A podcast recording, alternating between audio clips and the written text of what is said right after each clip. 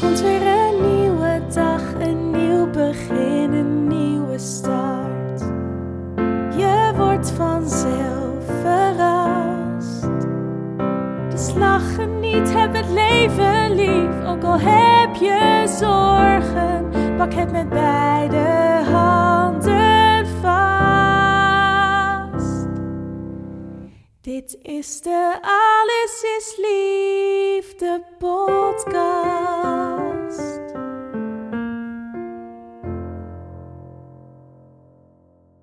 Welkom bij de Alles is Liefde podcast. De podcast over liefde, seks en relaties.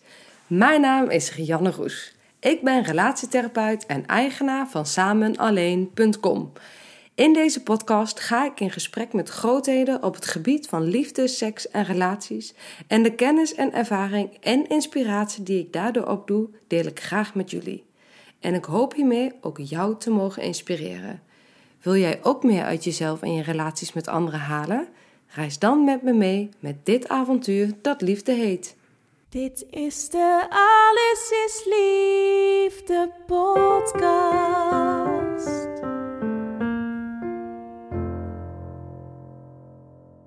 Hoi, wat leuk dat je luistert naar weer een nieuwe aflevering van de Alles is Liefde podcast. En in deze aflevering een interview met Petra Dij. We gaan het hebben over ontrouw, over vreemdgaan, over een affaire, over geheimen binnen de relatie, ehm, over het al dan niet te delen van de geheimen binnen de relatie. Ehm, eigenlijk een heel mooi gesprek wat we hebben over de complexiteit van de mens, de complexiteit van relaties, maar ook de circulariteit die speelt bij, ehm, ja, bij het vreemdgaan, bij de ontrouw. En ehm, Petra, jij bent systeemtherapeut. Momenteel ben je zelfs aan het uh, promoveren. Dankjewel dat je me hier uitnodigt in jouw praktijkruimte hier in Utrecht. Ehm, ja, zoals altijd begin ik met mijn allereerste beginvraag. Waar denk jij aan als ik zeg liefde? Ehm, nou, vooral aan veelomvattend. Veelomvattend en groot. En kwetsbaar. En overal wel in. En heel veel verschillende vormen denk ik ook wel aan. Want liefde voor je partner of liefde voor je kinderen, voor je ouders. En hoe ingewikkeld liefde kan zijn. En ehm, eh, ja, ook liefde wel voor, eh, voor, eh, voor wat je doet, voor een vak. Dus ik kan me voorstellen dat een danseres echt liefde heeft. Ik denk tenminste wel dat dat nodig is om te kunnen dansen. Echt liefde heeft voor het vak. En ik voel zelf ook wel echt liefde voor mijn vak, voor ons vak. Ja, het, ja, echt, ja. het is toch wel uh, gedrevenheid. Dus ik denk dat liefde ook... Liefde zet ook veel in beweging. Ja, Maar ja, liefde kan ook stokken. Kan ja, ook maken dat het stokt. ja, ja. Mooi. Eigenlijk een hele, heel palet aan heel- associaties, hè? ja, heel groot, ja. Van de Ja, partnerrelatie tot het vak, tot, eh, tot ook eigenlijk de pijn die bij liefde hoort. ja, Ja. ja. dat is het wel. Het is, het is eh, vreugdevol en eh, heel, ehm, heel vervullend. Mhm. En het kan je tot grote hoogte brengen, maar het kan ook echt heel moeilijk zijn en moeizaam en heel kwetsbaar. Ja, En dat ook weer in een hele hoop verschillende facetten. Hè? De kwetsbaarheid die je hebt als partners onderling, maar ook kwetsbaarheid als, als, als ouder ja hè, ten opzichte zeker. van, eh, van je kind. Maar ook kwetsbaarheid in, in, ehm, in liefde die je, die je voelt in vriendschappen. Hè, dat valt toch eigenlijk ook wel onder liefde, maar daar kan je ook best wel heel, heel kwetsbaar in zijn en heel erg in geraakt worden. Ja, ja, Dus, ja, liefde kent zoveel verschijningsvormen en het Ja. gaat vaak wel in relatie tot iets anders. Ja. Soms natuurlijk ook de liefde voor jezelf, maar die neem je dan weer mee in de relatie met de ander. ja, ja, die vergat ik wel Dus, even eh, te noemen, hè? Ja, nou ja, ik, ik, zeg- Ja, ik denk, toch aan, ik denk toch aan inderdaad naar buiten toe. Ja. Het is zo mooi dat je dat zegt. Het is een beweging naar buiten toe. Maar liefde voor jezelf is heel, eh, is, is, is heel belangrijk. Ja. ja, Zo van of je liefde voor jezelf hebt en of je jezelf de moeite waard vindt en of je ook respect hebt voor jezelf. Ja, Dat valt Ja. daar toch ook allemaal onder. ja, dat maakt of nou, breekt niet misschien, maar toch ook wel de, de kwaliteit van de relaties die je kan hebben met anderen. ja. De Dat is vice heel bepalend in. En Ja. hoe je zelf in het leven staat natuurlijk. Ja, En zelf in het leven staat ten opzichte van jezelf. ja, Dat, Mooi. eh, ja. ja. Nou, alleen daarover zouden we al een uur kunnen praten. Dat Maar, denk eh, ik, ja. We gaan het vandaag hebben over ontrouw. Ik denk een heel eh, pittig onderwerp als dat ontrouw binnen je relatie voorkomt. Ehm, en ik was pod- de podcast aan het voorbereiden en toen dacht ik, ja, maar wat is nou eigenlijk ontrouw? Het woord ontrouw kwam omhoog, het woord vreemdgaan, het Ja. woord affaire. En ik had eigenlijk bij alle drie wel wat overeenkomsten, maar ook wel weer verschillen. Dus ik ben klopt. heel benieuwd hoe jij dat ziet. Ja, ja. Ik, heb het, eh, eh, ik heb het de laatste tijd eigenlijk eh, heel vaak over beschaamd vertrouwen. Ehm, dat het, dat het de, de pijn, de, de, de, de kern ervan zit in ehm, wat, wat er tussen mensen gebeurt en ehm, hoe vertrouwen kan worden beschaamd. En als je het dan over partnerrelaties eh, hebt, waarin het dan gaat over, want eigenlijk noemen we het alleen ontrouw in partnerrelaties. Mhm. Je zegt niet snel als je met je, eh, met je vriendin met wie je al 30 jaar bevriend bent en zij heeft er een vriendschap naast die je eigenlijk best wel moeilijk vindt, maar dan zeg je niet mijn vriendin is ontrouw aan mij. Hè? Dan, Nee, Maar het, het kan wel op hetzelfde vlak zitten dat het zo'n pijn kan doen. En ben je nog wel belangrijk? En wordt mijn vertrouwen beschaamd door jou, door gedrag van jou? En vooral wordt de exclusiviteit die ik met jou heb in het gevaar gebracht. ja, En die kan heel veel vormen hebben. ja, En als je hem zo, zo ziet, ehm, dan, dan zou je inderdaad hebben de exclusiviteit in een, in een, in een, in een vriendschap. Die kan, die kan wel degelijk in gevaar zijn of vermeend in gevaar zijn. En dan doet dat ook hartstikke veel pijn. Ja. Maar ontrouw eh, en vreemdgaan bewaren we toch eigenlijk wel voor eh, praten over partnerrelaties. Ja, in de context van de partnerrelatie. Ja. En je noemde net zo hè, dat we de angst hebben die exclusiviteit dan te verliezen. Ja. En waarom is dat zo belangrijk voor ons? Ja. Ehm, omdat, het, omdat het maakt dat, we, dat je voelt dat je een bijzondere band hebt met, met, met die ene persoon. Dat je Mhm. belangrijk bent. Ehm, dat eh, je uniek bent voor iemand. En dat je dus daarin een, een band smeet die eh, als partners eh, zo sterk is dat je, dat je ja, alle, alle, alle uitdagingen die het leven brengt met elkaar aan kunt gaan. En Ja. dat je daarin een speciale plek hebt. Ja, En heel veel partners spreken niet expliciet af hoe ze exclusief gaan zijn voor elkaar, waar de exclusiviteit uit bestaat. Maar ze voelen wel de grenzen als het wordt overschreden. ja, En dan komen er vaak. ehm, ik merk ook vaak als ik met mensen praat over is het nou wel of niet ontrouw en hoe voelt het voor jou? Dan zegt de een, nou, ik ben helemaal niet ontrouw geweest. En de ander zegt, ja, jawel. Dat daar vaak een, een niet eens wel eens in zit. Maar als je het dan hebt met ze over exclusiviteit en binnensluiting of buitensluiting. Dat, het dan, dat, dat, dat mensen het dan wel kunnen vinden met elkaar. Want word ik buitengesloten eh, ehm, door jou als jij mijn partner bent als jij heel veel appt met een collega en het heel leuk hebt met die collega en weet ik veel daarmee eh, eh, heel goed contact hebt en vergaderingen lopen uit, zonder dat je ontrouw bent, want ja, je hebt geen seks en, en, en je bent verder ook niet verliefd, maar misschien voel ik me wel buitengesloten en is dat dan de pijn? ja, En kunnen wij het dan hebben over de exclusiviteit die ik eigenlijk graag in jouw leven zou willen innemen? Namelijk een soort van.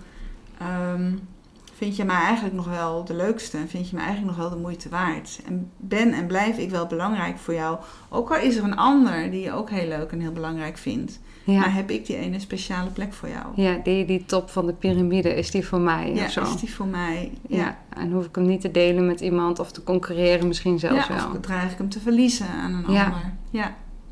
Ja, en daar zit dan een soort van angst. Waarin Ja. ja, mensen zit het over angst. ontrouw hebben. Ja, daar zit angst vaak onder zo van, is dat nog wel zo? En er zitten natuurlijk het hele leven aan ervaringen zit daar, zit Mhm. daaronder van... Hè, als je, als je, en dan komen we even terug op de liefde die jij zei, hè, de liefde voor jezelf. Als jij nooit de ervaring hebt gehad, nooit hebt gevoeld, ik ben belangrijk voor de mensen om mij heen. Ik ben voor sommige mensen eh, de nummer één. Ook al moet ik die misschien delen met, met broertjes en zusjes. Ze Mhm. zijn wel alle drie de nummer één van Ja. mijn moeder. Ja, Ehm, dan, ehm, dan, dan heb je dat nooit ervaren. En dan, dan kan, dat, kan dat heel griezelig worden van... hé, hey, dan ben je ook maar zo je plek kwijt. Terwijl als je dat wel in je hebt en je weet... er zijn mensen die om mij houden van mij... en er zijn mensen die mij aanvaarden als hoe ik ben... En eh, ik, ik heb die nummer één positie. En ik kan hem best delen, maar ik heb hem ook. Dan, dan voel je daar zeker over. En als dat onzeker wordt, ja, dan ga je daar wel tegen in protest komen. Ja. En je noemt daarbij hè, als voorbeeld dan hoe je je als kind hebt gevoeld ten opzichte van je moeder. Ligt daar dan ook de... ouders. Of ouders, hè? Maar ligt daar daar dan ook de basis van ehm, hoe je in latere relaties omgaat met het, het, het, het binnen-buiten sluiten? Ben je daar misschien dan juist sneller in getriggerd of niet? Ja, ik, ik, eh, ik, eh, ik werk heel erg vanuit het, eh, vanuit het kader, de structuur en de, de theorie van de gehechtheidstheorie van John Bowlby. En als je die theorie volgt, dan is er een hele hoop te verklaren vanuit een, een veilige of een onveilige gehechtheid.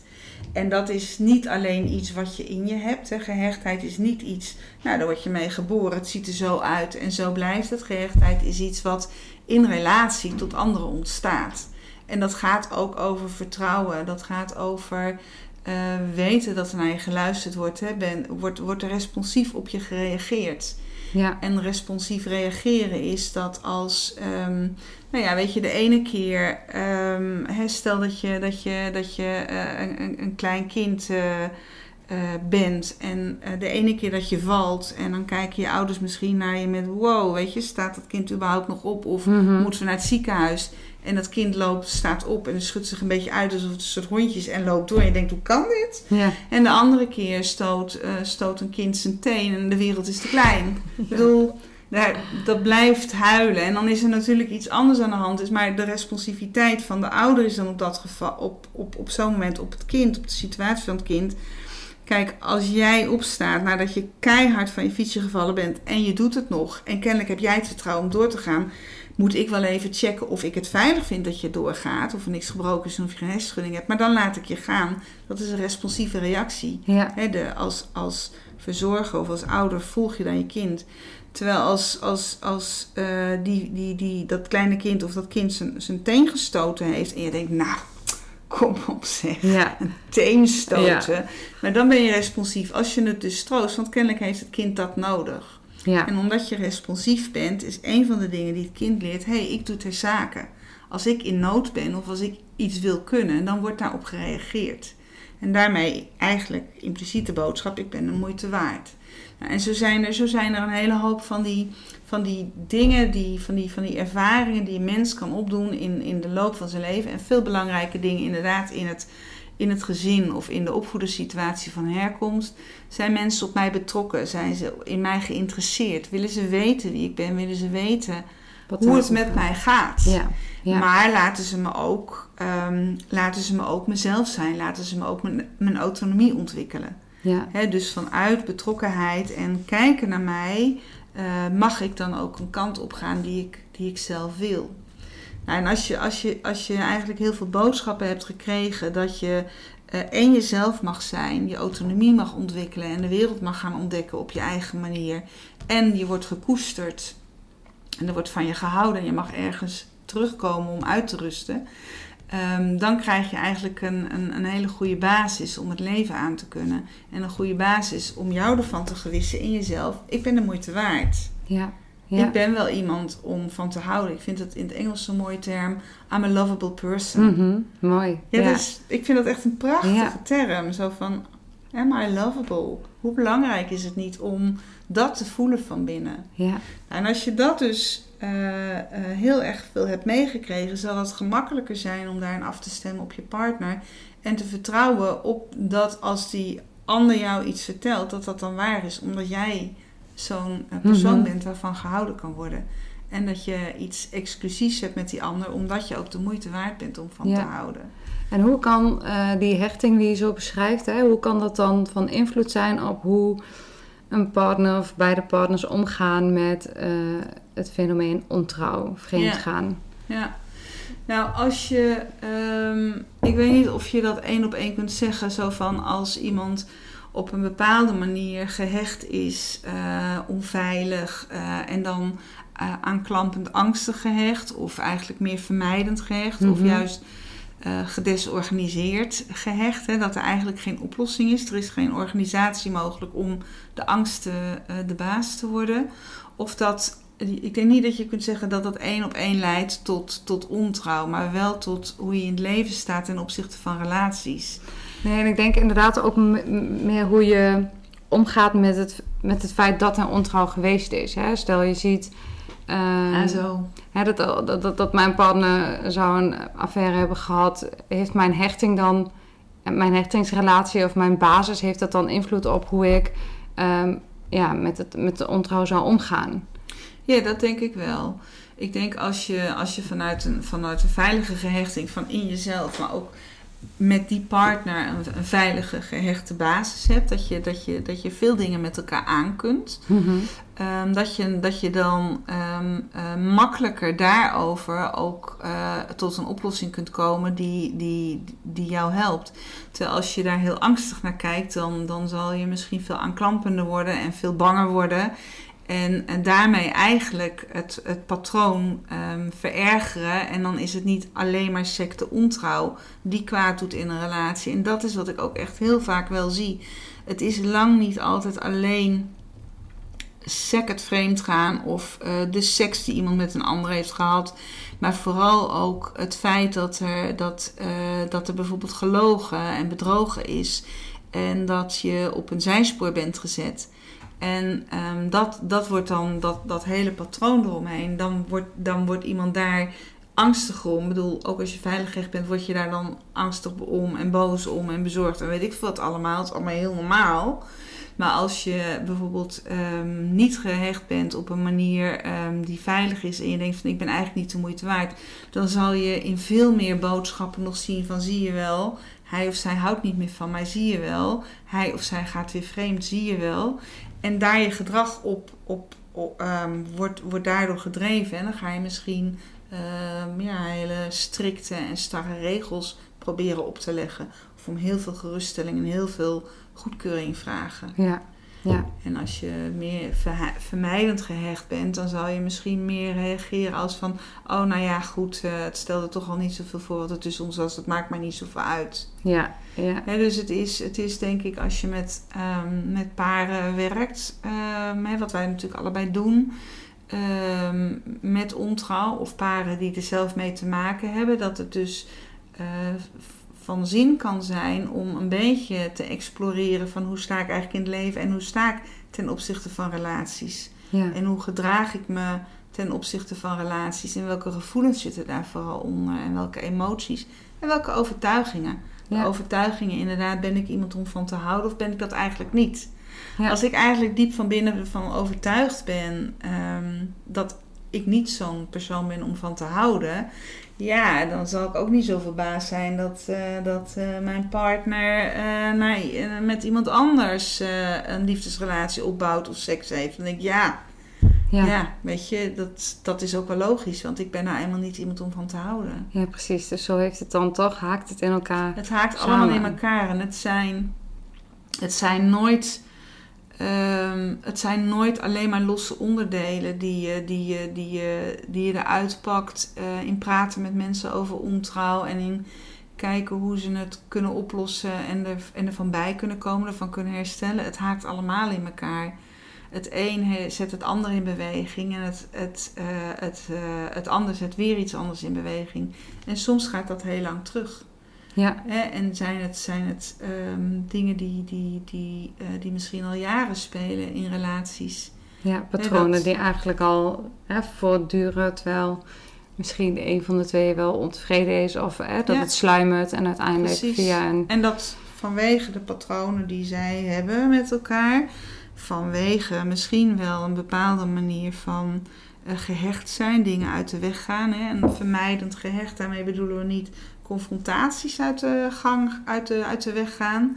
Maar meer zeg maar het vermijden van bepaalde eh, emoties. Ja. Aangaan in jezelf en in de Zo'n mooie ander. aanvulling. Ja, dat is ja. dus niet, eh, je moet er assertief op reageren. Het is het, eigenlijk het wegblokken. Ja, het is natuurlijk een podcast, dus ik heb altijd zo'n tekeningetje bij. Ja. Dat slaat nu nergens Het is op. een beetje alsof er dan een soort van splitsing plaatsvindt tussen wat gebeurt in mijn hoofd en wat gebeurt in mijn lichaam. En ja, die twee... en ik, ik, ik kan gewoon sommige dingen uitblokken. Wat heel fijn is, hè, laten we wel wezen. Het is heel fijn om dingen uit te kunnen blokken.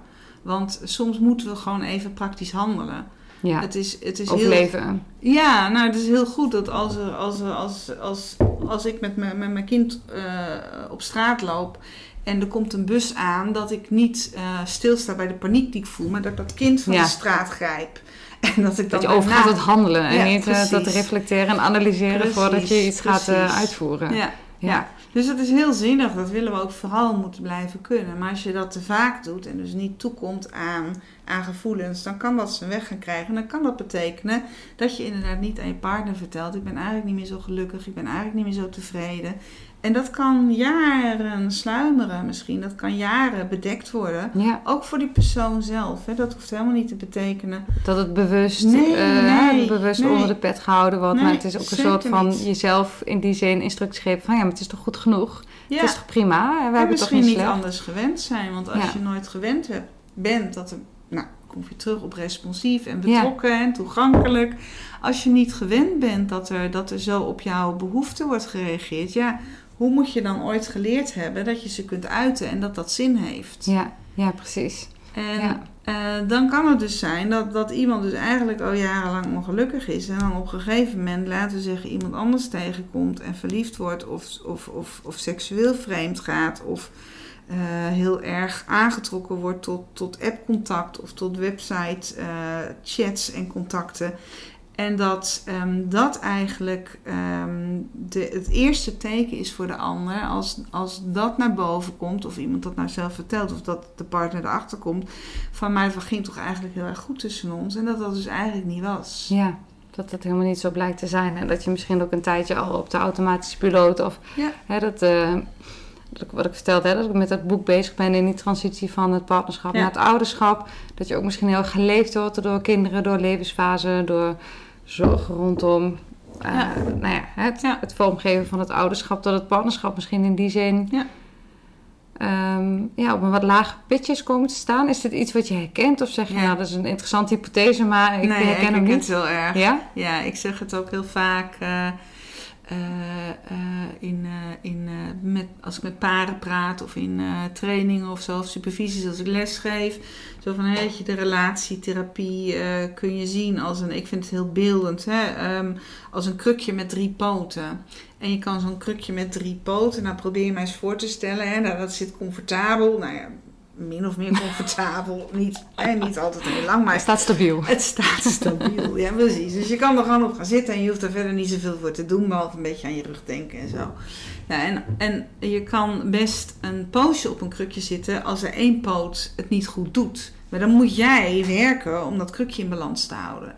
En als er twee poten af zijn, dan moet je nog meer werken. Omdat, en op een gegeven moment kan dat natuurlijk gewoon niet meer. Nou, en in die zin is de partnerrelatie, daar zit, daar zit ehm, eh, onderdeel daarvan is seksualiteit. Onderdeel daarvan is ehm, eh, emotionele intimiteit, gehechtheid, eh, vertrouwen, zijn we samen. En een andere poot is, is zorg. En daar valt de zorg in voor elkaar, maar ook zorg voor kinderen. En gezamenlijk zorgen voor kinderen is een hele sterke verbindende factor.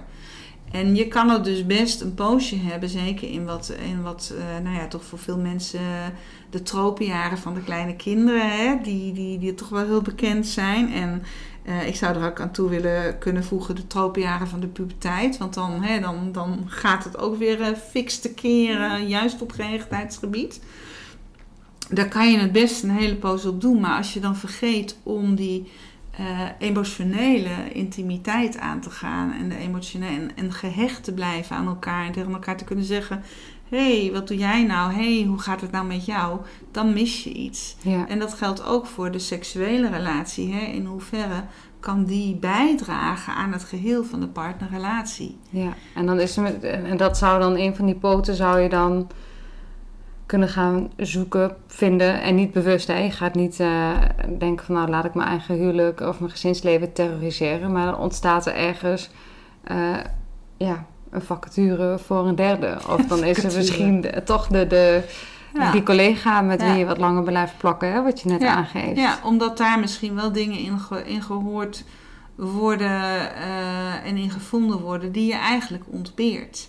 Maar waarbij je kennelijk niet de, de mogelijkheden hebt, ofwel omdat je het niet durft en dat je weet dat je het niet durft, ofwel omdat je het nooit geleerd hebt en niet, niet weet hoe je zoiets aan moet pakken in als jij mij niet troost als ik heel hard mijn teen stoot, terwijl ik dat wel nodig heb. Ehm, dan wil ik niet horen van het was mijn thema, dan wil ik getroost horen. Als je die ervaring niet hebt met elkaar, dat er naar je geluisterd wordt als je iets nodig hebt. En dat jij nooit de woorden hebt leren vormen die jou helpen je adequaat te uiten. Dan ga je misschien wel zoveel ontberen en dan ga je dat dus ergens anders oplossen. Ja, dat zeg je mooi. Ergens anders oplossen in plaats van ergens anders zoeken. Want je inderdaad, je, ergens een behoefte of een verlangen wat je in die eh, partnerrelatie misschien niet kan eh, benoemen. Om Ja, welke reden dan ook. benoemen of niet vervuld kan worden of omdat de ander het niet meer, niet meer goed kan horen. Hè? En het gaat heel vaak over signalen uitzenden van heb je dan niet, ik heb je zo vaak geprobeerd te vertellen hoe ongelukkig ik was. Ik heb je zo vaak geprobeerd te vertellen dat ik, eh, dat ik niet, dat, dat, dat ik dingen miste, dat ik het zo erg vond dat jij elke avond gewoon om half negen afgekacheld eh, naar bed ging omdat je zo moe was van de dag. Ehm, ik heb het je zo vaak geprobeerd te vertellen, maar kennelijk is, er, is het niet alleen de signalen die de ene partner uitzendt, maar ook hoe worden ze ontvangen. Ja, En als dat scheef gaat lopen, ja, dan is de kans groot dat dus iemand moe wordt van dat zoeken naar de balans. En dat er, dan, dat er dan inderdaad iets anders voorbij komt waar dat wel wordt gehoord. ja, ja. En dat dat dan een eigen, eigenlijk een eigen leven kan gaan leiden. Ja, en als je het dan hebt inderdaad over de tropenjaren met jonge kinderen, Ja, dan kan ik me voorstellen dat dat om half negen naar bed gaan of het compleet langs elkaar heen leven omdat je bezig bent met de organisatie van het gezin. ja, Dat daarin dus inderdaad het oplossen buiten, buiten het gezin of buiten de partnerrelatie Ja. plaatsvindt. Ja. En zo maak je hem eigenlijk ook heel circulair. Want als je, hoe je hem nu stelt, doet het me ook denken aan wat Esther Perel schrijft. Hè? Van eh, het slachtoffer van de affaire is niet altijd het slachtoffer van het huwelijk. nee, Dus dat het echt heel erg met elkaar verband houdt. ja. Ja, Ja, nee, het is, het is, het is, het is als ik met, met, met mensen werk met, eh, met, eh, met ontrouw, dan gaat het ook heel vaak over waar moet het, over, waar, waar moet het nou over gaan. En dan gaat het alleen over de ontrouw en, eh, en heeft daar iemand iets in gedaan en een andere verantwoordelijkheid genomen en moet daar verantwoordelijkheid in worden teruggenomen en worden bewerkt. Eh, voor, voor hoe iemand het oplost, daar ben je uiteindelijk zelf verantwoordelijk voor. Als ik ongelukkig ben en ik besluit om, eh, of besluit, eh, of laat het gebeuren. Het is niet altijd echt een besluit natuurlijk, maar ik laat het gebeuren dat ik, ehm, dat ik me laat verleiden en met iemand anders ga vrijen.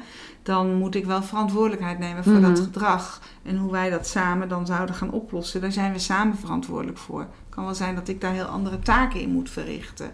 En ik denk dat dat ook zo is. Dat je dan wel moet zeggen: oké, wat moet jij als jij degene bent die ontrouw was, daarin voor andere taken verrichten dan je partner die niet ontrouw was? Wat heeft hij of zij op dat moment nodig van degene om te voelen? Ik neem de verantwoordelijkheid terug en ik heb, ik heb rouw en berouw om wat ik jou en ons heb aangedaan. ja, Maar als daar aan voorafgaand een periode zit waarin het dus tussen, tussen ons misschien een langere tijd niet goed ging, daar zijn we samen verantwoordelijk voor. En wat je vaak ziet is van nou, het moet over de ontrouw gaan of het moet over de relatie gaan. En dat je dan vaak ziet, omdat het zo moeilijk is om verantwoordelijkheid te nemen voor je eigen gedrag, dat de, zeg maar, ik gebruik maar even deze termen, hè. het zijn geen vaststaande termen, maar om het om een Mhm. beetje eh, duidelijk te maken dat de ontrouwe partner zegt, ja, maar het moet gaan over die periode eraan voorafgaand. En dat de trouwe partner zegt, nee, het moet gaan over de ontrouw. Precies. En Want dat gaat over verantwoordelijkheid nemen. Want het Nou is ja, dan ook precies. ja, dat je Ja. eh, makkelijker eh, Ja. de context schetst waarin jouw gedrag Ja. gerechtvaardigd wordt dan wanneer je hè, plain kan zeggen: dit, is, Ja. dit, is, dit heb Ja. ik veroorzaakt en Ja. hier neem ik mijn daderschap. Ja. Maar dat, eh, dat Ja. is soms moeilijk. Ook wat Ja. ik merk is dat ehm, als ik met paren werk, dat de ontrouwe partner, om het even lineair te maken, Mm. Niet altijd berouw voelt. Niet altijd berouw kan voelen voor be- bepaalde gevoelens die hij gehad heeft. Hè, bewijzen de, de, eh, de levenslust die hoort bij de verliefdheid of ehm, nou, de mooie momenten. Terwijl dat is, ik vind het best een ingewikkelde om daar aan toe te komen, want het Is is, het natuurlijk ook. allebei waar. Ja. Hè? Nou ja. Nee, ik vind ook, ik vind, het, het is ook echt, het is ook echt, het is hele moeilijke problematiek. En waarom is het ook zo moeilijk? Omdat we het, eh, omdat we het, omdat het allemaal wel, wel voelen. En de emoties die ermee verbonden zijn, die zijn ook zo heftig. En daarom raakt het ons ook eigenlijk allemaal, omdat we allemaal wel een keer vertrouwen, beschaamd vertrouwen hebben meegemaakt. In welke vorm dan ook. Maar we weten allemaal hoeveel pijn het doet. En we weten allemaal hoe erg het is als dat gebeurt. En bij een hele hoop uh, mensen om ons heen. Want uh, ja, weet je, wij als, als uh, relatie- en gezinstherapeuten hebben nou eenmaal te maken met affaires en ontrouw, omdat onze cliënten ermee te maken hebben. Maar wij zelf ook. Want in ieders leven komt ontrouw voor. En uh, misschien ben je zelf wel een keer de derde geweest, hè? De, de, de, degene van buiten de, de oorspronkelijke relatie. Misschien uh, heb je met ontrouw te maken gehad omdat je zelf ontrouw was, misschien omdat uh, je partner dat was. Of een hele dierbare zus of vriendin of vriend heeft het meegemaakt en je hebt de pijn ervan gezien. Ja. Of misschien was het wel in jouw gezin van herkomst dat uh, vader of moeder uh, er, er, vaak een ander bij had. En dat je dat hebt meegemaakt als kind. Of dat je de geheimen hebt meegemaakt als kind. Dus het, het zit in ons hele leven. En het veroorzaakt gewoon altijd pijn. En ja. daarom is het ook zo, zo moeilijk om, om ermee te werken. Voor de paren natuurlijk die bij ons komen sowieso. Want die zitten er middenin. Maar ook voor onszelf. Omdat het iets in onszelf raakt. Ja. En het is ontzettend ik heb wel eens het idee als ik, als ik met, met, met paren soms werk, en relatietherapie is nou al niet. Uh, uh, ik bedoel, begrijp me goed, ik vind het het leukste vak van de wereld. maar het is, het is niet makkelijk. Hè? Het, nee. is, het, is, het, is, het, is, het is zoeken, het is voelen, het is aansluiten, het is kijken. Hoe werkt het? Het is waanzinnig interessant en ik word heel nieuwsgierig naar uh, van, van hè, wat speelt er in jouw leven. Een leven is altijd een apart leven, een uniek leven. En als, er, als, het, als het dan ook nog gaat over ontrouw, dan zijn er zoveel facetten waar je rekening mee moet houden. Dat is, dat is, dat is heel scherp. Uh, ja. Heel scherp uh, sturen ja. soms. Ook om je eigen, hè, wat je zegt, je bent als therapeut ook gewoon mens met je eigen thema's en, en ploete, ploete thema's, ploete dingen waar ja. je je doorheen worstelt. Ja, ja, en de emoties, omdat ze zo, zo scherp zijn bij beschaamd vertrouwen. Uh, bij beide partners die ermee te maken hebben, maar ook bij jou. Dus de emoties zijn heel erg aanwezig. Dus het is, en emoties zijn hartstikke handig, want die vertellen ons heel veel over het leven. Maar die zijn ook heel vermoeiend. Ja. Dus ja, en omdat je betrokken bent bij cliënten en responsief wilt zijn en erbij wilt zijn. We zijn, we zijn wel eigenlijk een beetje voorbij de tijd dat we abstinente therapeuten zijn. En dat we van buiten naar binnen kijken. Juist ja. systeemtherapeuten worden onderdeel van het systeem. Dus ga je ook mee. Niet dat je hetzelfde gaat voelen, maar je voelt de emoties van de ander wel. Die laat ja. je wel resoneren. En die dragen wel bij tot jouw nieuwsgierigheid en vragen. En zeggen van, en waar gaat het nou echt om bij jou? Ja. Maar als ik jou wil vragen waar het echt om bij gaat bij jou, wat bedoel je er nou mee? Wat is nou de betekenis hiervan voor jou? Daar moet ik me voor inspannen. Ja. Dus het is vermoeiend. En dan ook nog die emoties. Dus het is, het is, het is flink. Echt flink een complexe dynamiek, de, de ja. ontrouwdynamiek, omdat ja. het over zoveel meer gaat ja. dan. Ja, en dan ja. mensen soms ook echt, ja, die zijn natuurlijk gewoon echt een einde raad. Ik denk, ja, hoe komen we hier nou ooit. uit? Hoe moet dit nou? Ik ben, zo, ik ben zo geschrokken, ik ben zo in wanhoop. Ja. En uh, uh, ik dacht, hè, dan, zijn, dan zijn er heel veel, heel veel soorten uh, ontrouw natuurlijk. Van eenmalige one-night stand tot een, totdat er uitkomt dat iemand echt al tien jaar of twintig jaar een, een, een relatie daarnaast mm -hmm. heeft. Ja, want ontrouw kent natuurlijk zoveel verschijningsvormen. Hè? Ja. Het kan... het kan bewijzen van zijn dat je iets gekocht hebt wat je niet aan je partner hebt verteld. Maar het kan ook zijn dat je inderdaad een hele affaire hebt. Het kan zijn dat je um, iets vertelt aan een vriendin waarvan je had afgesproken dat je het niet zou vertellen. Dus het is ontrouw. Ik vind het zo'n enorm groot onderwerp. Ook in de voorbereiding van de podcast dacht ik, ja, ja, waar gaan we het dan eigenlijk precies ook over hebben? Want ik denk dan is ontrouw altijd verkeerd. Ik denk als je verliefd wordt, heb je niet altijd daar invloed op. Misschien kun je wel je acties uh, daarop soort van uh, beramen. Maar ik, ja, wat is ontrouw? En ik ja. denk dat dat misschien, hè, al pratende, eh, ook wel iets is wat koppels met elkaar moeten bespreken. Want het is denk ik ook per koppel weer Ja. zo uniek. Ja, ja. Ja, en ik denk, ik denk een, manier om, een manier die mij in ieder geval helpt om er naar te kijken en ook om er met paren naar te praten, is over eh word je buitengesloten of, en worden er geheimen eh, gehouden. En is de exclusiviteit in het, in het, in het Geding. gedrang, geding. Ja, En eh, als ik iets koop wat ik niet aan mijn partner vertel, ehm, dan, kan dat, ehm, dan kan ik dat geheim houden. En ehm, dan kan ik daarmee misschien wel vertrouwen beschamen. Want waarom heb je me dat niet verteld? ja. Want ik was er toch op tegen. Of we hebben niet genoeg geld of wat dan ook. En dan, dan, dan doe ik daar iets mee. Maar als ik hem niet vertel dat ik, eh, eh, eh, dat ik op, op een terras heb gezeten. Terwijl ik, nou weet ik veel, eh, ik heb afgesproken met jou voor, om een podcast te doen. En ik eh, heb daarna nog tijd over en ik ga op het terras zitten en ik vertel hem dat niet. Omdat het gewoon niet belangrijk is, dan is dat niet erg. Dan zou Nee. je dat niet scharen onder beschaamd vertrouwen. Maar als ik het eh, tegenhoud en iets verzwijg omdat ik naar iemand tegen ben gekomen op dat terras met wie dat koffie drinken eigenlijk niet binnen de relatie besproken mag worden, weet je, dan, dan, ga, je, dan ga je een grens over die de partner eh, zou kunnen eh, voelen als ik word buitengesloten. Er wordt een geheim voor mij gehouden. En ik denk dat dat, dat, dat, dat, dat een groot verschil is. Want wat is ontrouw als je met, met iemand zoent of als je met iemand naar Ja, bed precies. gaat of als je met iemand vrijt? En wat is dan, zijn daar nog bepaalde grenzen in? En geldt dat voor iedereen? Eh, nou, dat geldt helemaal niet voor iedereen, want ontrouw gaat helemaal niet over seks hebben of over, over monoga- monogamie of niet. Het gaat over wat zijn onze afspraken. ja, maar ik denk dat die afspraken vaak helemaal niet zo expliciet zijn. Nee, en dat is, dat is inderdaad eh, waar het dan gaat over exclusiviteit. Inderdaad, hebben, pa- hebben paren dat afgesproken met elkaar? Want ik kan me ook voorstellen dat je in die partnerrelatie, want dat, ik zie ook dat boek van Lieve Migerode bij jou in de kast staan. Hij heeft het op een gegeven moment over de geheime tuin.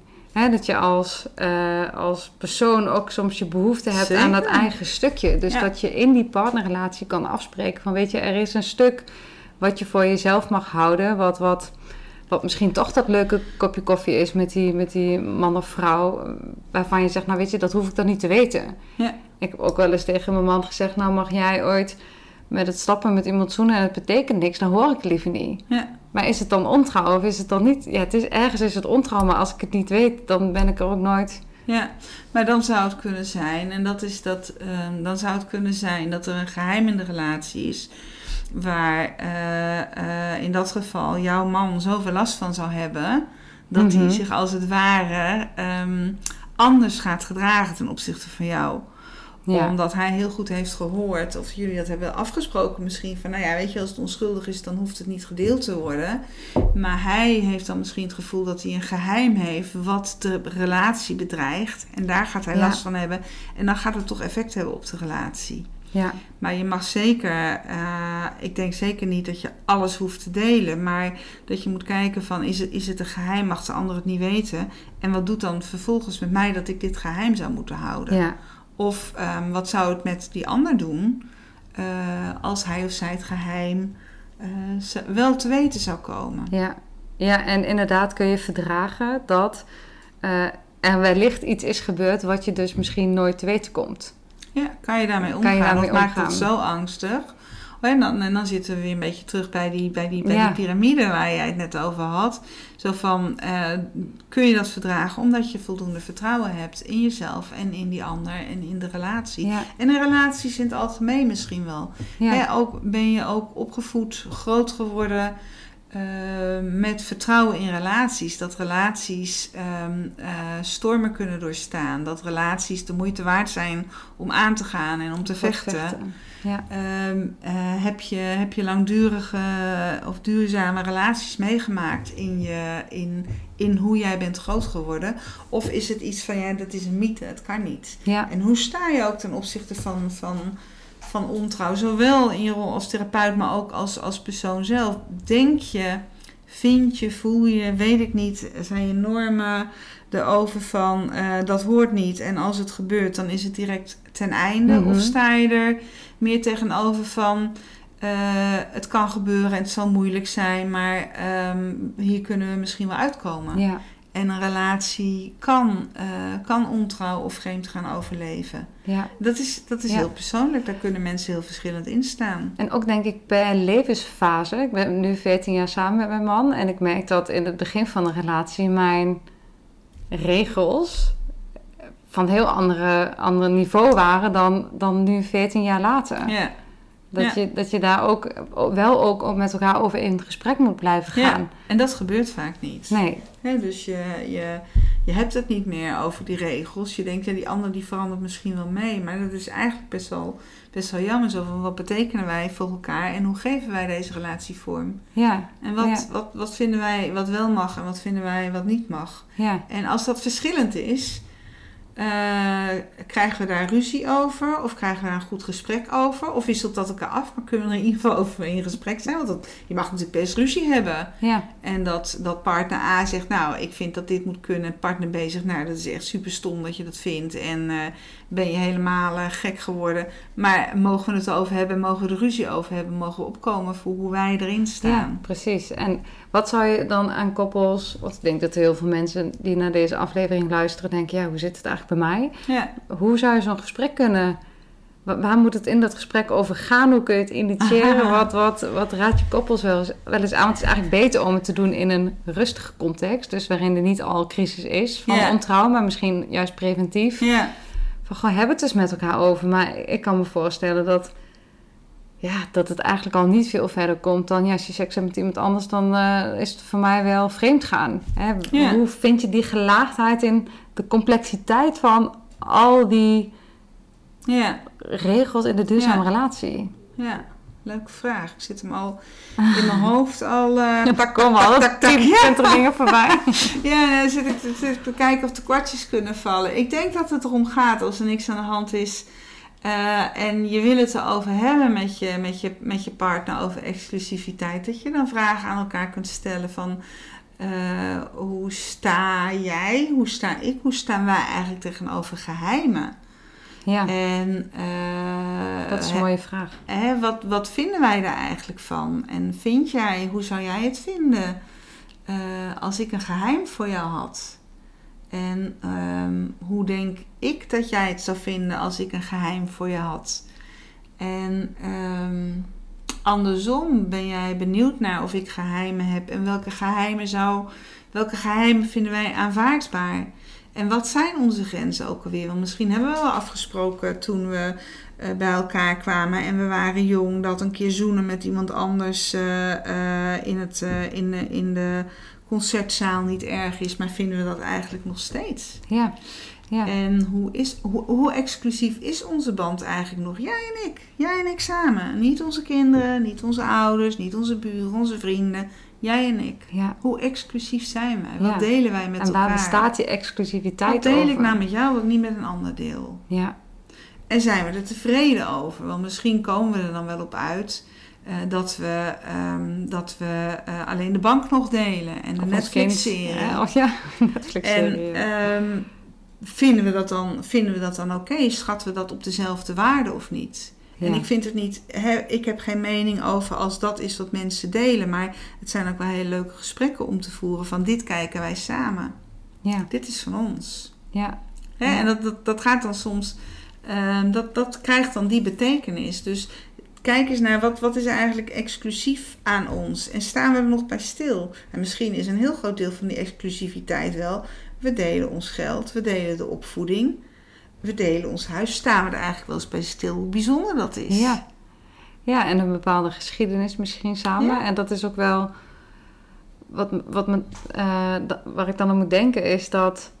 Het huwelijk bijvoorbeeld ook van mijn ouders... Die, die, ja, dat is natuurlijk een hele andere tijd. Die zijn meer dan 40 jaar samen. Maar dat was eigenlijk wel zo ongeveer de, ja, de hele basis. Maar ook waar hun huwelijk uit bestond. En in deze tijd willen we misschien nog wel veel meer van onze Ja. partner. En is het Ja. de vraag of dat ook per se haalbaar is. En als je Ja, overeenstemming vindt over wat maakt ons exclusief voor elkaar. En daar ook hè, niet meteen allerlei moeilijke dingen bij bedenken. Maar het huis, dat je samen een kindje hebt of dat je hè, al, al, nou ja, weet ik, tien jaar samen en, bent. en misschien de meer gevoelige dingen of de, de meer kwetsbare dingen ook. Hè? Van is in onze exclusiviteit voor elkaar, is daar ook plek voor de kwetsbaarheid. Want eh, ja, het is ons kind samen en we voeden het samen op. Maar er zijn ook juffen en, en, en meesters en andere mensen bij betrokken. Maar kunnen wij nog de, de moeite opbrengen en zijn wij nog exclusief in, in het delen van de kwetsbaarheid of het delen van de liefde daarin? Ja. En niet dat andere mensen niet van dat kind mogen houden, graag juist. Hè? Maar Ja. ehm, wat maakt dat zo bijzonder tussen ons? Ja. Of wat maakt het zo bijzonder tussen ons dat wij dit juist goed kunnen? Dat, heb het er eens over. En hoe zou het zijn als je dat ook met een ander zou doen? Ja. Zou dat moeilijk zijn voor Ja. mij? Ja.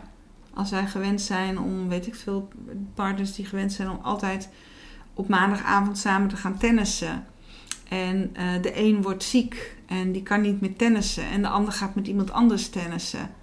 Die partner die ziek is en die niet meer kan tennissen, die gunt heus die andere partner, partner B, echt wel dat hij of zij kan tennissen. En eh, die weet ook heus wel dat dat goed is voor die partner. Maar het kan even goed ook steken. Want Ja. dat was toch iets van ons. Ja. Dus is het door, omdat ik ziek ben geworden en we dus afscheid moeten nemen misschien van een hele hoop dingen. Misschien is het wel een hele ernstige of een chronische ziekte. Maar zijn wij daardoor bedreigd? Dat zijn Ja. eigenlijk vragen. Waar, worden, ook waar, worden, waar zouden wij door bedreigd worden? Ja, dat is mooi hè. Inderdaad, rond de, de, de hele, eh, de hele vraagstuk rondom geheimen, maar ook de- het hele vraagstuk wat, wat zou onze relatie kunnen bedreigen. Ja. Ja. En als je dat gesprek met elkaar kan voeren, krijg je misschien een heel actueel beeld van hoe sta jij erin en hoe sta ik erin. En dat zijn wel denk ik hele waardevolle gesprekken om, eh, om met elkaar eens bij stil te staan. Ja, en dan kan het zijn, en dan, dan, dan kom ik weer aan met die gehechtheid, dat het dus kan zijn dat iets wat voor, de, voor, de, voor partner eh, X noem maar eh, bedreigend is, voor partner Y is van ja, maar dit, dit, dit, dit, is, dit vind ik echt heel moeilijk dat jij het bedreigend vindt. Want jij vindt het dus bedreigend als ik met iemand anders eh, praat, of als ik een uur te laat thuis kom, of als ik hobby's heb, of als ik met mijn vrienden iets doe, of met mijn vriendinnen iets doe. Hè, dus dan moet je het, en dan heb je natuurlijk direct een moeilijk gesprek, want dan Ja. wil partner X iets van partner Y, wat partner Y te moeilijk vindt om te geven. Ja. En mag je dan inderdaad iets voor jezelf kiezen of voor Ja, jezelf nemen, over- terwijl je weet... Ja, nou ja, gehechtheid gaat natuurlijk over het continu, over, over, die, over die lijn. Hè. Het is in, in die zin ook een, een spectrum misschien wel, Mhm. van autonomie tot, tot verbondenheid en afhankelijkheid.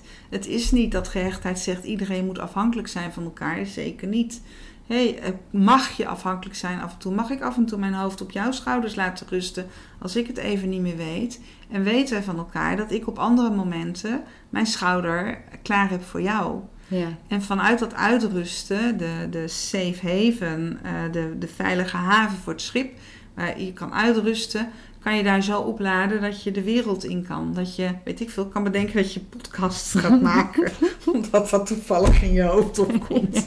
Weet je, dat kan ook Ja. maar vanuit een bepaalde veiligheid die je hier Ja. hebt. Van, mag ik mezelf ontplooien? Mag ik mezelf gaan ontwikkelen? ja, mag ik mislukken als het... Mag mag ik- ja. ik mislukken? Mag ik er weer bij komen? Ja. Oh, ik had zo'n goed gesprek en ik had de microfoon niet aangezet. Oh, mag ik dan bij jou komen uithuilen? En, Ja. het, en toch het vertrouwen houden in mezelf dat ik een volgende, een volgende stap ook weer kan nemen. Hè? Ja. Vanuit die veiligheid kan je je gaan ontwikkelen Ja. en de wereld eh, Ja. op, op, eh, erop uitgaan. Precies. Ja, want hoe zie je dat dan? Hè? Van, dat is namelijk een dilemma waar geen, geen middenweg in te vinden is. In die zin van, mag ik iets voor mezelf doen... terwijl ik weet dat het eigenlijk iets oproept bij mijn partner. Dat, ik, vind het, ik, heb, ik heb hem opgeschreven ook, maar ik kom mezelf ook niet uit. Oh ja. Ja ik, Wat iets wat goed is voor mij, maar niet, is goed, voor de, niet goed is voor de ander. Wat, wat, ik denk dat je, dan, dat je dan gaat vragen naar wat, wat, eh, wat, ehm, ja, wat, wat, wat wij toch wel, wel kunnen. Zo van, wat is de betekenis ervan voor jou dat jij, dat dit voor jou goed is? En wat is de betekenis van het dilemma voor jou? En hoe is het voor jou om te horen dat, eh, ehm, dat jouw partner iets heel graag wil en het niet doet omdat ze denkt dat het voor jou niet goed is? Wat zijn de betekenissen ervan voor? En kunnen jullie het verdragen allebei? Dat misschien jij iets niet leuk vindt en, eh, en zij het toch wil gaan doen. ja. En eh, waar zit hem dat dan in? En dan komt het in mijn ervaring heel vaak uit van als die ander dat toch doet, dan betekent dat dus dat ik niet ter zake doe. ja, Maar dat is Nee. het heel vaak niet. Het is niet zoals Want- wat weet. Het is niet of het een of Nee, het andere. want als, als eh, eh, partner A niet wil dat partner B eh, gaat oefenen met, met haar bandje, omdat partner A vindt ik zit veel te veel alleen. En A verwijt B van ja, jij altijd met dat bandje en ik wil niet dat je gaat. En B ziet best dat het, dat het haar partner pijn doet dat zij weggaat. En ze wil haar partner helemaal geen pijn doen. Want ja, weet ik veel, ze houdt van die vrouw. Ze, ze, ze is er gek op. Ze wil ervan, maar ze wil ook dat bandje. ja. Betekent het dan dat als partner B toch naar dat bandje gaat, dat dus A niet de zaken doet? En dan moet je het daarover Daar hebben. het over gaan. Nee, het is een andere betekenis. Ja. De betekenis die jij eraan geeft, ehm, van dat ze toch naar dat bandje gaat of wat dan ook, weet ik veel. Mhm. Fietsen, joggen, maakt het Maakt allemaal niks uit. niet Allemaal uit. met even, maar ja. Ehm, eh, betekent dat inderdaad, is dat de boodschap die wordt afgegeven? of Ik is ga dat de boodschap zoals ik hem interpreteer vanuit een bepaalde... angst of Ervaring. ervaring, of eh, tekortkomen. Oh, je komt tekort. Waar kom je dan in tekort? Ja. En dan pluis je eigenlijk aan de lopende band, blijf je uitpluizen van eh, wat goed is. Waarom is dit niet goed voor jou? Wat is de betekenis ervan? Ja. Hoe kom je daarbij? En kan je dat helen? En is het dan aan je partner om dat te helen Ja. en zich dus te conformeren aan wat jij maar niet wil? Of Ja. is het aan jou om daar stappen in te zetten en om je eigen wonden te gaan helen? ja. Ja. En daar kan je partner wel bij helpen, maar die kan het natuurlijk nooit voor je doen. Zoals Nee, niemand dat voor je kan doen. Nee, je zegt het echt Ook de prachtig. kan het Ja. ook niet. Ik denk echt, als je dit zegt, dan zou je eigenlijk, als je zelf niet tot dat gesprek moet komen, en ik weet, het klinkt echt enorm als spreken voor eigen parochie, maar dit is toch wat je... Er zijn ook twee sy- systeemtherapeuten aan tafel, hè? Maar dat gesprek kunnen voeren, dat is toch magisch? Want het vraagt best wel veel Ja. lef van die eh, partner die eigenlijk wel iets wil gaan doen waarvan ze weet, of hij Ja, weet, dat de partner niet akkoord vindt om. En dan kom je eigenlijk een beetje op dezelfde differentiatie van snarts. Dat vind ik toch wel grappig. Dat je eigenlijk in die kwetsbaarheid naar je partner durft toe te Ja. stappen en gaat zeggen: Ik weet, ik voel dat dit jou kwetst en dat het moeilijk voor jou is. Maar, Maar, ik, ik, ik ben ook iemand, ja. ja. Maar het, is, eh, het lijkt heel erg, het lijkt, eh, heel erg tegenstrijdig. Hè? En Ja. ik, ik, ben, ik ben heel erg bekend met, eh, met, met EFT en de gehechtheidstheorie en het gedachtegoed van Sue Johnson. En niet met snarts. Maar ik, als ik dit soort gesprekken wel eens voer met mensen, dan denk ik, maar het is helemaal niet zo Nee. tegenstrijdig. Want gehechtheid gaat niet om je opofferen voor de ander en alles doen wat de ander wil. Het gaat juist ook om staan voor ik. Ik wil dit, ik heb dit nodig. ja. Ik ben Ja. ook een individu. Hè? Ja. Eh, autonomie en, en, en individu mogen zijn is, is heel erg, hoort heel erg bij, bij, bij, bij, bij de gehechtheidstheorie. ja. En ook dus in, in de En niet overroeld worden en niet overspoeld en niet gecontroleerd worden. ja. Want dat is een van de grootste, grootste hè, eh, angsten bij mensen. Zo van, ja, mag ik wel zijn wie ik ben? Wordt er gehouden om wie ik ben? En mag ik me uiten zoals ik ben? ja. Ja, dat, daar gaat het Daar om. gaat het over, ja. En dat precies. is ook uitdragen. Ik wil toch naar dat bandje. Ook al doet het jou pijn. En dan kan het toch goed zijn. Want ik heb mijn pijn tegen jou mogen vertellen. En jij hebt ernaar gehoord. En het ging niet om een zin krijgen. Het ging Nee. erom dat ik durfde te zeggen... Ik zou heel graag willen dat je nou, niet naar dat bandje gaat vandaag of nooit of weet ik veel wat. Maar dat je het bla. erover kan hebben, wat is de betekenis ervan? En dat, eh, dat zei je net zo mooi. Dan denk ik, ja, dat is waar je dan het gesprek over moet aangaan. En niet over voet bij stuk houden, Nee, maar om de betekenis ervan te onderzoeken. nee. Want wat ik, even terug naar als er, er al ontrouw geweest is, wat ik ook vaak merk, is dat er heel veel honger is naar informatie en naar Ja, details. Ja, ja, ja. En Klopt. ik ben daar zelf ook altijd zoekende in van ja, Ja. Wat- hoe ver ga je? Wat is, weten? wat is constructief, wat Ja, niet? ja. Heb je daar... Ja, dat is moeilijk hè. Of stel dat Dat iemand is- luistert hè, die nu een partner heeft die, die, die ontrouw heeft en, en eigenlijk diegene denkt, ja, ik wil alles weten. Ja, maar nou, kijk, ik zou, ik zou je dan echt aanraden als dat inderdaad op dit moment eh, zo is. Maak even een pas op de plaats en ga inderdaad naar wat zou de betekenis ervan zijn voor als ik het weet. En sommige dingen zijn belangrijk om te weten, omdat ze je kunnen helpen, jullie kunnen helpen in het proces van helen. Maar zijn dat eh, echt allerlei dingen die, die, die je moet weten? Of, en realiseer je ook dat het ooit gehoorde nooit meer niet gehoord is. mooi. Ja. En eh, het kan ook tegen je werken. Want het is belangrijk dat je de dingen weet die maken dat je je partner weer kunt vertrouwen. Eh, maar is het, is het van groot belang, stel hè, dat je weet ehm, eh, dat die ander eh, de derde on- ontmoeten voor kopjes koffie. Is het dan van belang om te weten of dat. ik heb nou naam in mijn hoofd, maar dat zal ik dan maar niet doen. Bij zaak X of zaak Y is. Hè, want zaak X en zaak Y, die kom je overal tegen in Nederland. ja. En elke keer als je dan zaak X tegenkomt, dan, weet je, dan kan dat die herinnering naar boven halen. ja. En dat kan ook echt wel heel veel, dat kan ook wel meer kwaad doen dan goed doen. Soms bijna zo'n hertrauma, hè? Dat nee, dan blijft het maar, dan, hè, dan, dan, dan, dan blijft dat inderdaad maar getriggerd worden, terwijl het, terwijl het dan misschien in het proces helemaal niet zo van belang is. Want het ging erom dat eh, die partner die kopjes koffie ging drinken of ging vrijen. En in welke hotelketen dat dan was, maakt dat dan heel veel uit. Mhm. Eh, ja. Of ehm, hoe dat er dan uitzag. ja. Of, nou weet je, Ja, dat, Dus- want dat is, dat- ik merk dan dat er vaak honger is naar details. Hoe vaak, welk standje, hè, dat, dat Ja, op het gebied ja, van de seks dan ja, ja, bijna tot, nou ja, uitgetekend toe. ja.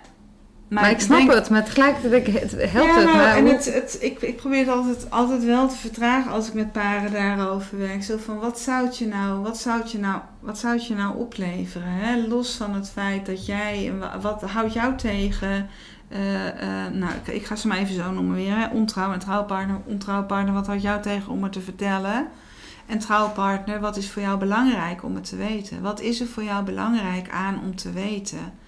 En onderzoek dat eerst zorgvuldig en maak, neem dan je beslissing of je het wilt weten of niet. En kijk dan of jouw partner het jou wel of niet kan geven. ja. En misschien dat je met heel veel zelfonderzoek erachter komt van ik wil het inderdaad echt weten. En je bent er zorgvuldig in geweest. Ik wil inderdaad echt weten.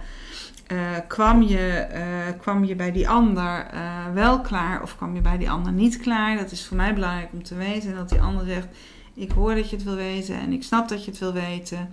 Eh, en toch ga ik het niet vertellen. Want die ander die mag ook zeggen, ik ga dat niet vertellen. En dan ga je het hebben over de betekenis daarvan. Wat betekent dat dan?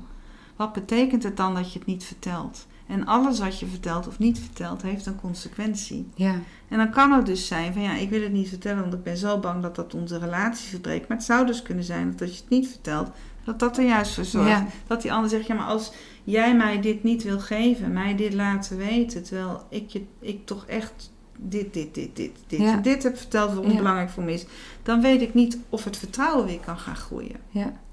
En of, of eh, de stappen die ik heb om het vertrouwen terug te laten groeien, eh, of jij die wel of niet wilt nemen. Nou, dan gaat het gesprek daar weer over. Het zijn echt moeilijke, moeilijke, emotionele gesprekken die, die, die niet in één keer te vangen zijn. Nee, nee. Het is niet, het is niet Het is eh, we heel- hebben een, een checklijstje en tik, Nee. tik, tik, tik. Ja, dan there. Hoppakee. Nee. Het is echt een looping die je continu neemt. En heel net dat je denkt, eigenlijk is het soort rouw.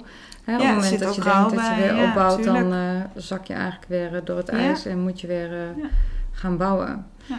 En want je, je en rouw ook om het verlies van het vertrouwen. Zeker. Hè, dat is Ja. echt een, eh, iemand die een keer tegen me zei: Ik ben. Ik, ik had nooit, nooit verwacht dat, dat hij dit zou doen, dat dit zou gebeuren. Ik ben niet alleen eh, mijn, mijn, mijn maatje kwijt, mijn, mijn, mijn vriend, mijn partner. Ik ben het vertrouwen in hem kwijt, maar ik ben ook het vertrouwen. Ik, ik, ben, ik ben het vertrouwen in de wereld verloren. Mhm. Want hij zou toch degene zijn Als hij al niet. hij is toch degene naar wie ik, bij wie ik mijn vertrouwen had liggen. En als hij al niet vertrouwen is, hoe kan ik dan de rest van de wereld wel vertrouwen? Ja, of het vertrouwen wat zo beschaamd is dat je gewend bent misschien om naar je partner toe te lopen als je het moeilijk hebt. En dan te merken van, oh ik loop naar degene toe naar wie ik altijd ga als ik het moeilijk heb. Maar oh ja, hij was degene die het had gedaan. Ja. Of oh, zij was degene die het had gedaan. ja. Ja, dat, dat doet echt wel wat. Nee, dat Ja. kost echt wel heel, Heel veel, veel tijd, tijd. om te herstellen. Ik hoorde een keer van een collega die zei echt, ja, dat duurt echt wel een jaar, twee jaar, wil je weer een beetje. eh, Ik denk dat het heel wisselend is. Ik denk dat het heel hard werken is. En dat, is, dat vind ik er ook wel mooi aan, net als vergeven. het herstellen van vertrouwen of vergeven is niet iets wat er ineens is. Het valt niet over je heen. Je moet er echt ontzettend hard voor werken. En eh, allebei de partners moeten daar heel hard voor werken. Ze moeten er op een andere manier heel hard voor werken. En dat is natuurlijk af en toe wel heel lastig. En kan zeker heel oneerlijk zijn als je denkt: ja, hallo, maar die andere heeft het gedaan. Moet ik nou zo hard werken? Moet ik Mhm. nou zo hard werken? Maar het is ook fijn, want dat betekent dat je ook zelf aan het stuur kunt gaan zitten. En zeggen: oké, dan ga ik dit aan. Ja. Ik zeg niet. En dat je mee Ik heb helpt het vertrouwen, ja. maar ik neem wel heel bewust de afslag naar de weg die vertrouwen heet. Ik ga heel bewust nu van de rotonde af en ik neem nu die weg. Ja. Of het komt, weet ik niet. Nee. Maar ik zet de me ertoe intentie. om te gaan vergeven. In, ik zet me ertoe. Het is, het is niet, het is een en op een bepaalde manier gaan denken en mezelf oefenen in een bepaalde manier voelen en handelingen verrichten. Ja. Dan is het er nog niet, maar je kan wel besluiten om, om het te gaan doen. ja. Dat is ook fijn. Ja, nou, het is ook een evaluatie, denk ik, van de relatie. Omdat hè, dat, dat, het eh, veroorzaakt een crisis. En in die crisis komen er misschien gesprekken Enorm. die, die Ja, in andere contexten, in andere settings niet naar voren Ja. was gekomen. Ja. Maar goed, dat, eh, paren vragen heel vaak aan mij van wordt het nog wel eens zoals het was? Zeg nee, ik nee, nooit meer. het wordt nooit meer zoals het was. Maar dat betekent niet dat het niet beter wordt. Ja, precies. En ik zie dat we bijna aan de tijd zitten, maar ik heb eigenlijk nog twee vragen, dus ik gooi ze nog even in. Ja. Moet je ontrouw altijd onthullen? Ja, ehm, ik, ik geloof niet dat een geheim in de relatie goed is. Een geheim wat de ander aangaat. Ja, Ehm, en een geheim wat het patroon beïnvloedt. Ik denk dat dat schadelijk is. Ik denk dat het namelijk zijn werk doet. Op het moment dat ik iets voor jou geheim moet houden, moet, moet, ga ik me anders gedragen. En gaat het effect hebben op onze relatie. Het kan niet anders. Als er iets wat zo belangrijk is. En dat is dus niet, ik ben vergeten kaas te kopen. En hè, weet je. Maar als er iets wat zo belangrijk is in, voor ons. En als ik dat aanvoel op mijn water. En ik hou dat weg bij jou als mijn partner. Dan heeft het al effect in de relatie. Mhm. ja dat ben En ik met je eens. De ja. ander die, ehm, die ervaart dat, die voelt dat. Misschien niet direct en misschien wel heel diffuus. Maar Ja. het is er wel. Ja, Dus de relatie heeft, ervan, heeft er al onder te lijden. En dan is het niet eens die stap van het wel of niet het vertellen, maar het feit dat het geheim er is. ja. En ik denk dat dat een, een negatief... op de dynamiek. Ik denk ja. ik een negatief effect heeft op de relatie. Ja. Terwijl het volkomen te goede trouw komt. Van ja, het doet alleen maar pijn als ze het weet en het stelt er niks voor. Of het doet alleen maar pijn als ik het vertel. En het, maar het is er wel. Ja, ja. Ja, want komt ontrouw eigenlijk in elke duurzame relatie? Stel je zou een onderzoek doen bij koppels die allemaal eh 30 plus jaar samen zijn. Denk Ja. je dan dat er in elke partnerrelatie ontrouw... Ik heb geen idee. ik, ik weet het echt niet.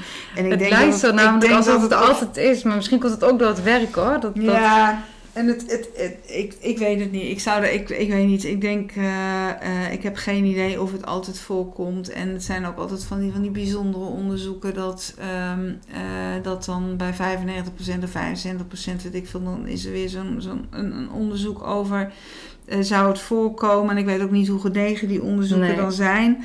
Ehm, en als je het vraagt, weet je, het, bij 75% van de vrouwen komt het voor. En als je ze ondervraagt, eh, zegt 16% ja. ja. Weet je, er zit ook sociale wenselijkheid Dat is ook in. zo. En ik denk. En het taboe op ontrouw natuurlijk. Hè? ja, dat, ja. en, en, en is, het, is, het, is het een belangrijke vraag om te weten of het bij iedereen voorkomt? Want ook al is dat zo, en het komt in mijn relatie voor en ik heb daar last Mhm. van, heb, ben- ik er dan bij geholpen dat er tegen mij wordt gezegd: ja, maar dat is altijd zo Nee. als je 30 Je jaar bent, nee, precies. Nee, daar heb ik helemaal geen boodschap Nee. aan. Dan, dan. Het doet pijn Ja. en daar wil je wat mee. Of het, doet, of het doet niet zo'n pijn en dan, dan hoef je er misschien niks mee. Nee, dan is het ook snel uit de lucht. Dan, is het ook, eh, dan hoeft het geen geheim te worden überhaupt. nee.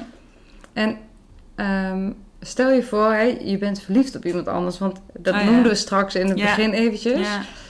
Ja, Ehm, ik had hem wel bij mijn lijstje van ontrouw staan. ja, Maar ik, eh, nee, ik heb vanavond ook nog een ander interview. Maar ik blijf daarover aan het worstelen. Want het is ook iets wat je overkomt. Ja. Het is een soort fysiologische... ja. Nou, jij weet het misschien beter te duiden dan ik. Maar Ja. Nou, het is een, ik denk dat het wel een mythe is dat je als je als je verbonden hebt aan een ander. En zo hebben wij toch de, de relaties in het, in, het, eh, in het Westen, in het Noord-Atlantische Mhm. eh, Westen, zeg maar, ingericht. één, één, één op één. Hè? Ja. En ehm, ik denk dat het wel een mythe is, ook al verbind je daaraan en wil je dat ook. En, en eh, is dat ook hoe je achter staat. En nou ja, alles, laat alles met cultuur en zo maar even laten zitten. Ehm, maar ehm, dat, het dan, dat het dan nog niet betekent dat je niet verliefd wordt op een ander. Want dat kan, dat kan inderdaad gewoon puur een, een, een reactie zijn die, die sneller is dan jij. Of die hè, ook inderdaad heel erg fysiek kan zijn. Ehm, ik denk niet dat dat betekent dat dus je relatie niet goed is. Dat als Nee. je verliefd bent op een ander, dat je dus een slechte relatie hebt. Ik denk ook niet dat ehm, ontrouw dat per definitie altijd betekent. Je bedoel, hey, je moet er wel wat mee in de relatie, maar het is niet zo één op één. Het is denk ik wel, en jij zei dat volgens mij eerder ook al eh, in dit gesprek, eh, of misschien in het voorgesprek, dat weet ik dan even niet meer. Zo van, het gaat er wel om wat je ermee doet. Ja. En ehm, of, je, of, je er, of je er gehoor aan geeft en of je je gedrag zo gaat doen dat je het zelf afschermt en dat je zorgt dat, eh, dat de verliefdheid eh, uit gaat doven of niet. En Ja. Of dat je er gehoor aan geeft en het nog spannender maakt en het, en het uit gaat zoeken en het uit gaat bouwen. Ja. Dat je verliefd Ja. wordt, dat kan overkomen. Of dat je een ander heel aantrekkelijk vindt. Ja, natuurlijk gebeurt dat. Ja. Ja, het is utopisch om te denken dat... Nee, en dat hoeft, dat hoeft ook helemaal niet. Nee. Nee, nee. Dus dat is eigenlijk nog weer een extra ja, complexiteit erbij eigenlijk. Hè? Op het moment dat de verliefdheid speelt, dat is iets wat je overkomt, maar wat je ermee doet is dan een tweede. Ja, of seksuele aantrekkingskrachten. Ja. Dat, dat kan ook zijn. Je kan je ontzettend tot iemand aangetrokken voelen. Maar is het en dan ontrouw? wel of niet. Ja. Nou ja dat, Ja. Dat, dat is dan dus misschien eh, wel aan de partners om het samen te hebben. Over, nou, als je het nou hebt over van... Waar kunnen ze het vanavond eh, over hebben als ze zomaar een preventief gesprek willen hebben? Van vind jij het, vind jij het ontrouw als ik een ander aantrekkelijk vind? Ja, Of als ik misschien fantaseer over een ander, seksuele fantasie heb, of als ik droom over een ander. Ja. Vind jij dat ontrouw? Vind ik dat eigenlijk ontrouw? ja. Zou als de een porno kijkt en de ander... Hè, dat, Ja, ja. Zouden we dat vertellen aan elkaar? Zouden we het nodig vinden om het te vertellen aan elkaar? En wanneer zouden we het nou nodig vinden om het wel te vertellen? En wat mogen we van ons, voor onszelf houden van elkaar en van onszelf? Heel mooi. En dat Ja. zijn natuurlijk wel dingen die daar dan over kunnen gaan. Want natuurlijk raken we ook nog steeds, ook al ben je 30 of 40 jaar met iemand samen, kan je nog seksueel opgewonden raken van een ander. Of iemand heel mooi vinden en aantrekkelijk vinden. Nou, dan is het aan jou en aan, eh, om, en aan je partner eigenlijk om te zeggen van wat vinden wij er eigenlijk van Ja. samen. En dat kan heel open zijn. Wat vinden wij er eigenlijk van? Ja, mooi. Hier gaan we mee af. Zou ik me bedreigd voelen? Ja, ja inderdaad. Zal ik me bedreigd voelen? Eh, In mijn relatie met jou. kan, ik meten met, eh, kan ik meten met dezelfde maat? Of meet ik stiekem met twee maten? Dat is misschien ook nog wel een interessante Ja. om eh, de revue te laten passeren. Maar we gaan met deze eh, mooie tips eh, afsluiten. Is goed. Dankjewel Petra. Jij ook. Dank je. Dankjewel. Ja, dat was hem. Het interview met Petra Dij over ontrouw. Ik hoop dat je net als ik veel nieuwe dingen hebt geleerd of gehoord. Ehm, ja, het blijft toch heel complex wel ontrouw. Zelfs na dit gesprek denk ik, ja, we hebben nog... We hebben de complexiteit van ontrouw aangeraakt, maar we hebben hem nog steeds niet kunnen duiden. En misschien is die ook wel niet te vangen in een woord of in een interview van een uur. Ehm, wat ik nog vergeten was te melden is dat Petra Dij ook twee boeken heeft geschreven. Verder na een affaire en zorgvuldig scheiden. Mochten deze onderwerpen je interesseren, dan zijn deze boeken wellicht het lezen waard. En daarbij hoop ik dat als je geïnspireerd bent geraakt door de podcast, je de podcast deelt op social media, eh, een review wil achterlaten in de podcast-app of hem deelt met vrienden, familie, collega's of met wie dan ook. Want als jij het net als ik belangrijk vindt dat veel mensen geïnspireerd raken door misschien wel taboe eh, doorbrekende thema's, dan eh, hoop ik dat je me daarmee wil helpen. Voor nu wens ik je een hele fijne dag en tot de volgende aflevering.